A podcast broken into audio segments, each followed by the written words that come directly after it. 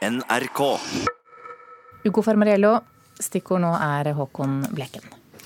Han går ikke stille i dørene når han fyller 90 år. Det skjer i morgen. Kunstneren fra Trondheim har ofte engasjert seg i eh, politikken, og det gjør han nå også med en ny utstilling, hvor han stiller ut tre to meter høye malerier, eller skal vi kalle det karikaturer, av Rita Ottervik, den kjente ordføreren i Trondheim. Vi har allerede fått se bildene, og intervjuet Håkon Bleken, som sier at det var morsomt å male dem. Ja, Håkon Bleken, da har du fått eh, i deg både wienerbrød og litt kaffe. Ja, var det. Hvordan eh, er det snart å være 90 år? Hvordan? Er det snart å være 90 år? Det er ikke morsomt, men det er, eh, det er, det er heller ikke uten, uten, uten positive ting. Håkon Bleken og jeg sitter på to pinnestoler i et galleri i Oslo. Foran oss på veggen henger tre av hans siste malerier alle sammen ganske nedsettende karikaturer av Arbeiderpartiets ordfører i Trondheim, Rita Ottervik. Alle vet at Bleken ikke liker henne, men Bleken er en kompromissløs og fandenivoldsk 90-årsjubilant som gjerne bruker bursdagen til å harselere med ordføreren sin. Han syns det er festlig. Jeg maler jo billig, for det er morsomt å male. Uansett hva jeg maler. Det er morsomt også å harselere med ordføreren i Trondheim? Jeg harselerer ikke med ordføreren så uten grunn. Jeg har grunn til å slere med henne. Og det gjør jeg fordi at hun har, er med på å ødelegge byen. Føler du et hat mot denne dama? Nei, Nei absolutt ikke. Nei, bare, bare fortørnet over, over det, irritert over det. Hat føler jeg ikke det.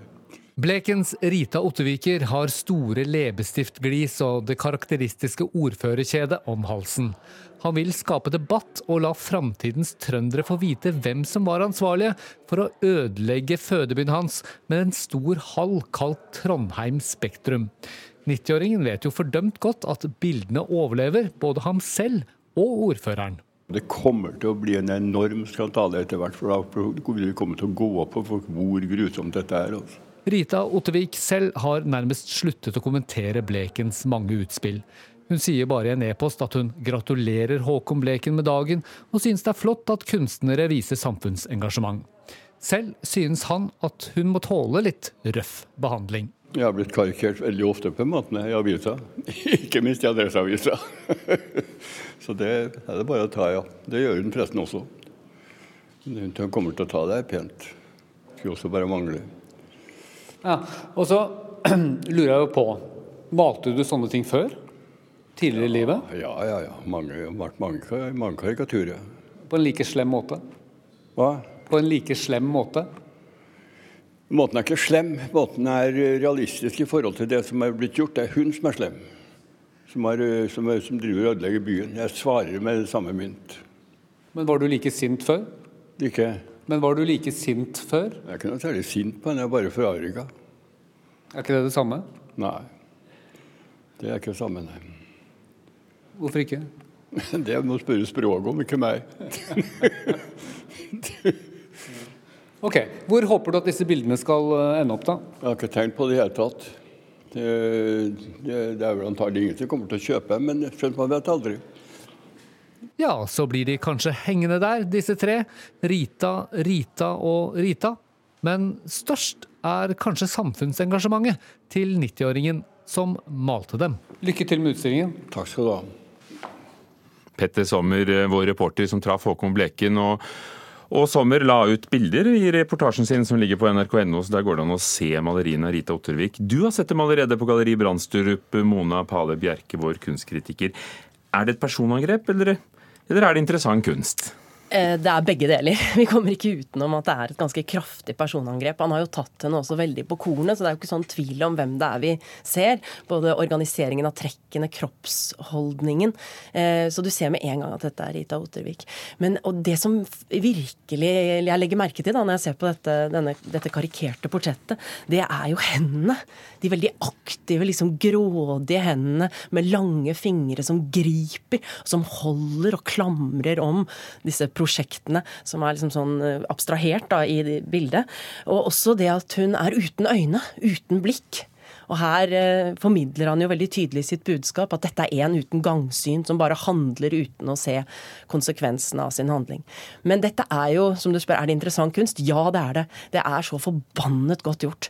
Det er så uttrykkssterke, så mektige bilder. Eh, og de får meg til å tenke på Francis Bacons eh, parafrase over Velasquez' pave Innocent den 10. fra 1953. Eh, som jo nettopp er en maktkritikk, og som viser hvordan makt eh, korrumperer. Agnes Moxnes, eh, kulturkritiker og kommentator her i NRK. Hva består Blekens samfunnsengasjement i? For som vi hørte i reportasjen, det er ikke første gang han tar for seg politikere og politikk. Han er jo et eh, opp, veldig oppegående menneske som er bredt eh, politisk engasjert. Og, men i denne sammenhengen her så er det jo først og fremst hans interesse for hjembyen sin, Trondheim. Eh, Trondheim har en, altså har en en lang historie i god arkitektur og, og byplanlegging. Eh, domkirken er jo et eh, eksempel. Eh, byen ble tegnet av en som het Cicignon på 1600-tallet. En helt unik byplanlegging i norsk sammenheng. Og så er på en måte, har Håkon Bleken på en måte løftet seg opp til å være den som vokter byen. Han bor litt over byen, i Byåsen, ser ned på den og har Eh, bruke blikket sitt, sitt velutviklede blikk, til å se og følge med hva som skjer i byen. Og så forlanger han å, å bli hørt. Og, og, han bruker de metodene han har, eh, som han kan bruke. Han skriver, eh, han snakker, og han maler. Mona Palle Bjerke, med en kunstner som da vil nå ikke bare oss i dag, men fremtidens mennesker, og ikke bare de som bor i Trondheim eller Oslo, men, men andre steder òg. Er det lurt å, å ta fatt i skal vi si, lokale problemstillinger? Det er som regel ikke lurt. Eh, veldig ofte, Hvis man går så direkte inn i politiske tematikker, så faller det ofte kvalitetsmessig gjennom. Eh, det blir ofte litt sånn parolepreget og ofte svakt. Men han er en så stor kunstner, og han blir bare bedre og bedre. Og dette får han faktisk til. Han får til denne dobbeltheten. Både å favne en aktualitet, men samtidig gi bildene en karakter av en slags evig maktkritikk. Det er det jeg syns var så slående med disse bildene. At disse, det er helt irrelevant om man man vet at det er Rita Ottervik, og man vet disse problemstillingene knyttet til Trondheim by. Dette er bare heftige bilder som viser eh, sånt et uhyggelig bilde av eh, makt. Er han blitt hørt, som han ønsker? Eh, han blir jo hørt. Eh, vi snakker jo om han her, og han, eh, altså han blir jo 90 år gammel i morgen. Før jul så åpnet en stor retrospektiv utstilling på Henny-Onsdag-senteret i, i, Oslo. Den utstillingen skal videre til Trondheim i mars. I dag presenteres det en samtalebok mellom ham og Klassekampens kritiker Tom Egil Verven, som kommer til å ligge i boken Norske bokhandlere fra og med i dag, vil jeg tro. Eh, og så åpner da denne utstillingen på Brandstrup, Galleri Brandstrup her i Oslo i, i, morgen på selve fødselsdagen hans. Så ja, Håkon Bleken blir hørt, og han ønsker å bli hørt. Og jeg kan tenke meg at en av de tingene som irriterer han aller mest med å bli 90 år, det er at han ikke får hvis han ikke får vært med på å se om det er slik at folk kommer til å oppleve eller erfare at det faktisk er en skandale at dette Trondheim Spektrum bygges da på øya i, i Trondheim. Mona, du har tidligere sagt at Håkon Blekens storhetstid er akkurat nå. Du har også sett den store retrospektive utstillingen på Henny Jonstad-senteret som skal til Trondheim. Eh, lever han opp til sin standard nå? Virkelig, og jeg syns jo disse bildene bekrefter det i aller, aller eh, høyeste grad. Og det er så interessant fordi at han nettopp Det der å skrive en kronikk, det å skrive en ytring, det monner så lite lenger. Vi lever i en veldig sånn utmattet eh, offentlig ordskifte. Men det å skape sånne bilder, slenge en sånn heftig visuell brannfakkel inn i ordskiftet, det er så skjer så sjeldent, og det er så spennende. Antageligvis er det ingen som kommer til å kjøpe dem, sa Håkon Bleken her i sted i intervjuet med Magnus Moxnes. Ehm, nå stilles det ut i Oslo, men det er kanskje i Trondheim de bør være stilt ut? Hvem kommer til å kjøpe dem? Ja, det er jo spørsmålet. Altså, når Mona Pale Bjerke sier, beskriver disse bildene på den måten hun gjør, altså løfter dem opp til å bli noe av det betydeligste og mest særegne som er skapt av norsk kunst, så vil jeg jo tro at kunstmuseene, eller vil jeg jo mene at kunstmuseene i Trondheim sin, kjenner sin besøkelsestid og sikrer seg disse maleriene.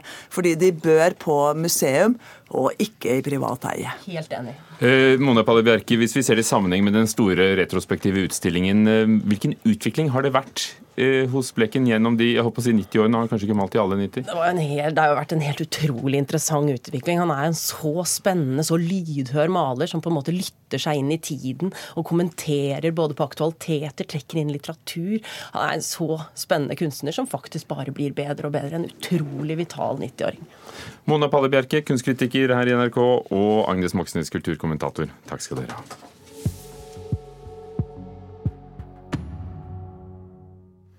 Vi skal flytte oss til eh, en kulturpolitisk skandale av dimensjoner, nemlig den som handler om det svenske akademiet, Svenska Akademien. Fra 1700-tallet, som i år ikke så seg i stand til å dele ut nobelprisen i litteratur. Men det er ikke over med det. En utredning fra desember konkluderte med at Katarina Frostenson, en av de 18 medlemmene, burde forlate Svenska Akademien, og nå har hun levert sine krav for å gjøre det. Kulturreporter Anja Strønen, begynn der. Fortell oss hvem hun er. Ja, Hun er altså gift med den såkalte kulturprofilen Jean-Claude Arnault. Det er han som er dømt for overgrep og anklaget for eh, seksuell trakassering. Og han beskyldes jo også for å ha avslørt nobelprisvinnere i forkant av prisutdelingen. Og ifølge denne utredningen da fra desember, så skal Arnault ha fått denne opplysningen av sin kone, og det er derfor hun nå er oppfordret til å tre av. Og Det som jo vekker oppsikt og, og, har kommet i hvert fall til kulturforsiden i Sverige, er jo det at eh, hun har noen krav for å forlate stolen sin. Ja, og det har hun fordi at hun har jo hele tiden nektet for at hun har lekket disse opplysningene. Og advokaten hennes mener også at det ikke fins noe bevis for at hun har lekket. Og nå sier hun da at eh, hele denne saken har medført irreversibel skade på hennes karriere som lyriker. Så for å slutte så krever hun lønn, og ifølge Dagens Nyheter har akademien foreslått en lønn på 13 000 kroner i måneden i tillegg til avslag i husleien. Så får vi se hva som skjer. Det er ikke lett å være lyriker. Dagens Næringsliv beslutning om å kutte anmeldelser og kritikk av musikk, litteratur og film vekker eh, reaksjoner fremdeles. Nå er det Petter Stordalen, investorens forlag Capitana, som reagerer. Ja, De sier til Klassekampen at de ikke kommer til å annonsere mer ideen som en direkte følge av kutt i disse anmeldelsene. Og de henger seg dermed på Oslo Jazzfestival, som i forrige uke truet med annonseboikott av DN. Så det er blitt en liten kulturkrig, dette. Hva svarer Dagens Næringsliv? Ja, Dagens Næringsliv, eh, Amund Juve, eh, som er sjefredaktør i avisen, han sier at han er positivt overrasket over engasjementet. Og så viser han til at de fortsatt har én fast anmelder, og at de skal bruke noen frilansere. Hmm. Du er mannen som skal få Norge til månen. Staten betaler. Men du må love meg å komme deg opp. Det kan gå galt. Oslo har opplevd dette før. Nå skjer det igjen. Flere enn hver fjerde kinogjenger i fjor gikk for å se en norsk film, og det var det vi hørte fra her. Ja, filmer som 'Månerist i Flåklypa', 'Skjelvet', 'Den tolvte mannen'. Det er blant de norske filmene som eh, var på topp ti-listen over de mest sette filmene i 2018. Og det er første gang markedsandel for norsk film har vært over 25% ifølge kinoens egen forening Film og Kino. Og kinodirektør i Bergen kino, Elisabeth Halvorsen, mener brede og store filmer er suksessoppskriften. Vi ser at uh, det norske publikummet liker uh, norsk familiefilm. Når vi får store, gode norske familiefilmer, så foretrekker publikum det. Altså hvis vi ser nå litt inn i 2019, sant? Amundsen, som kommer i februar. Det er jo ingen grunn til at ikke det skal være en film som appellerer til veldig, veldig mange. Elisabeth Halvorsen, direktør i Bergen kino. Det var det vi hadde i Kulturnytt her i eh, Nyhetsmorgen.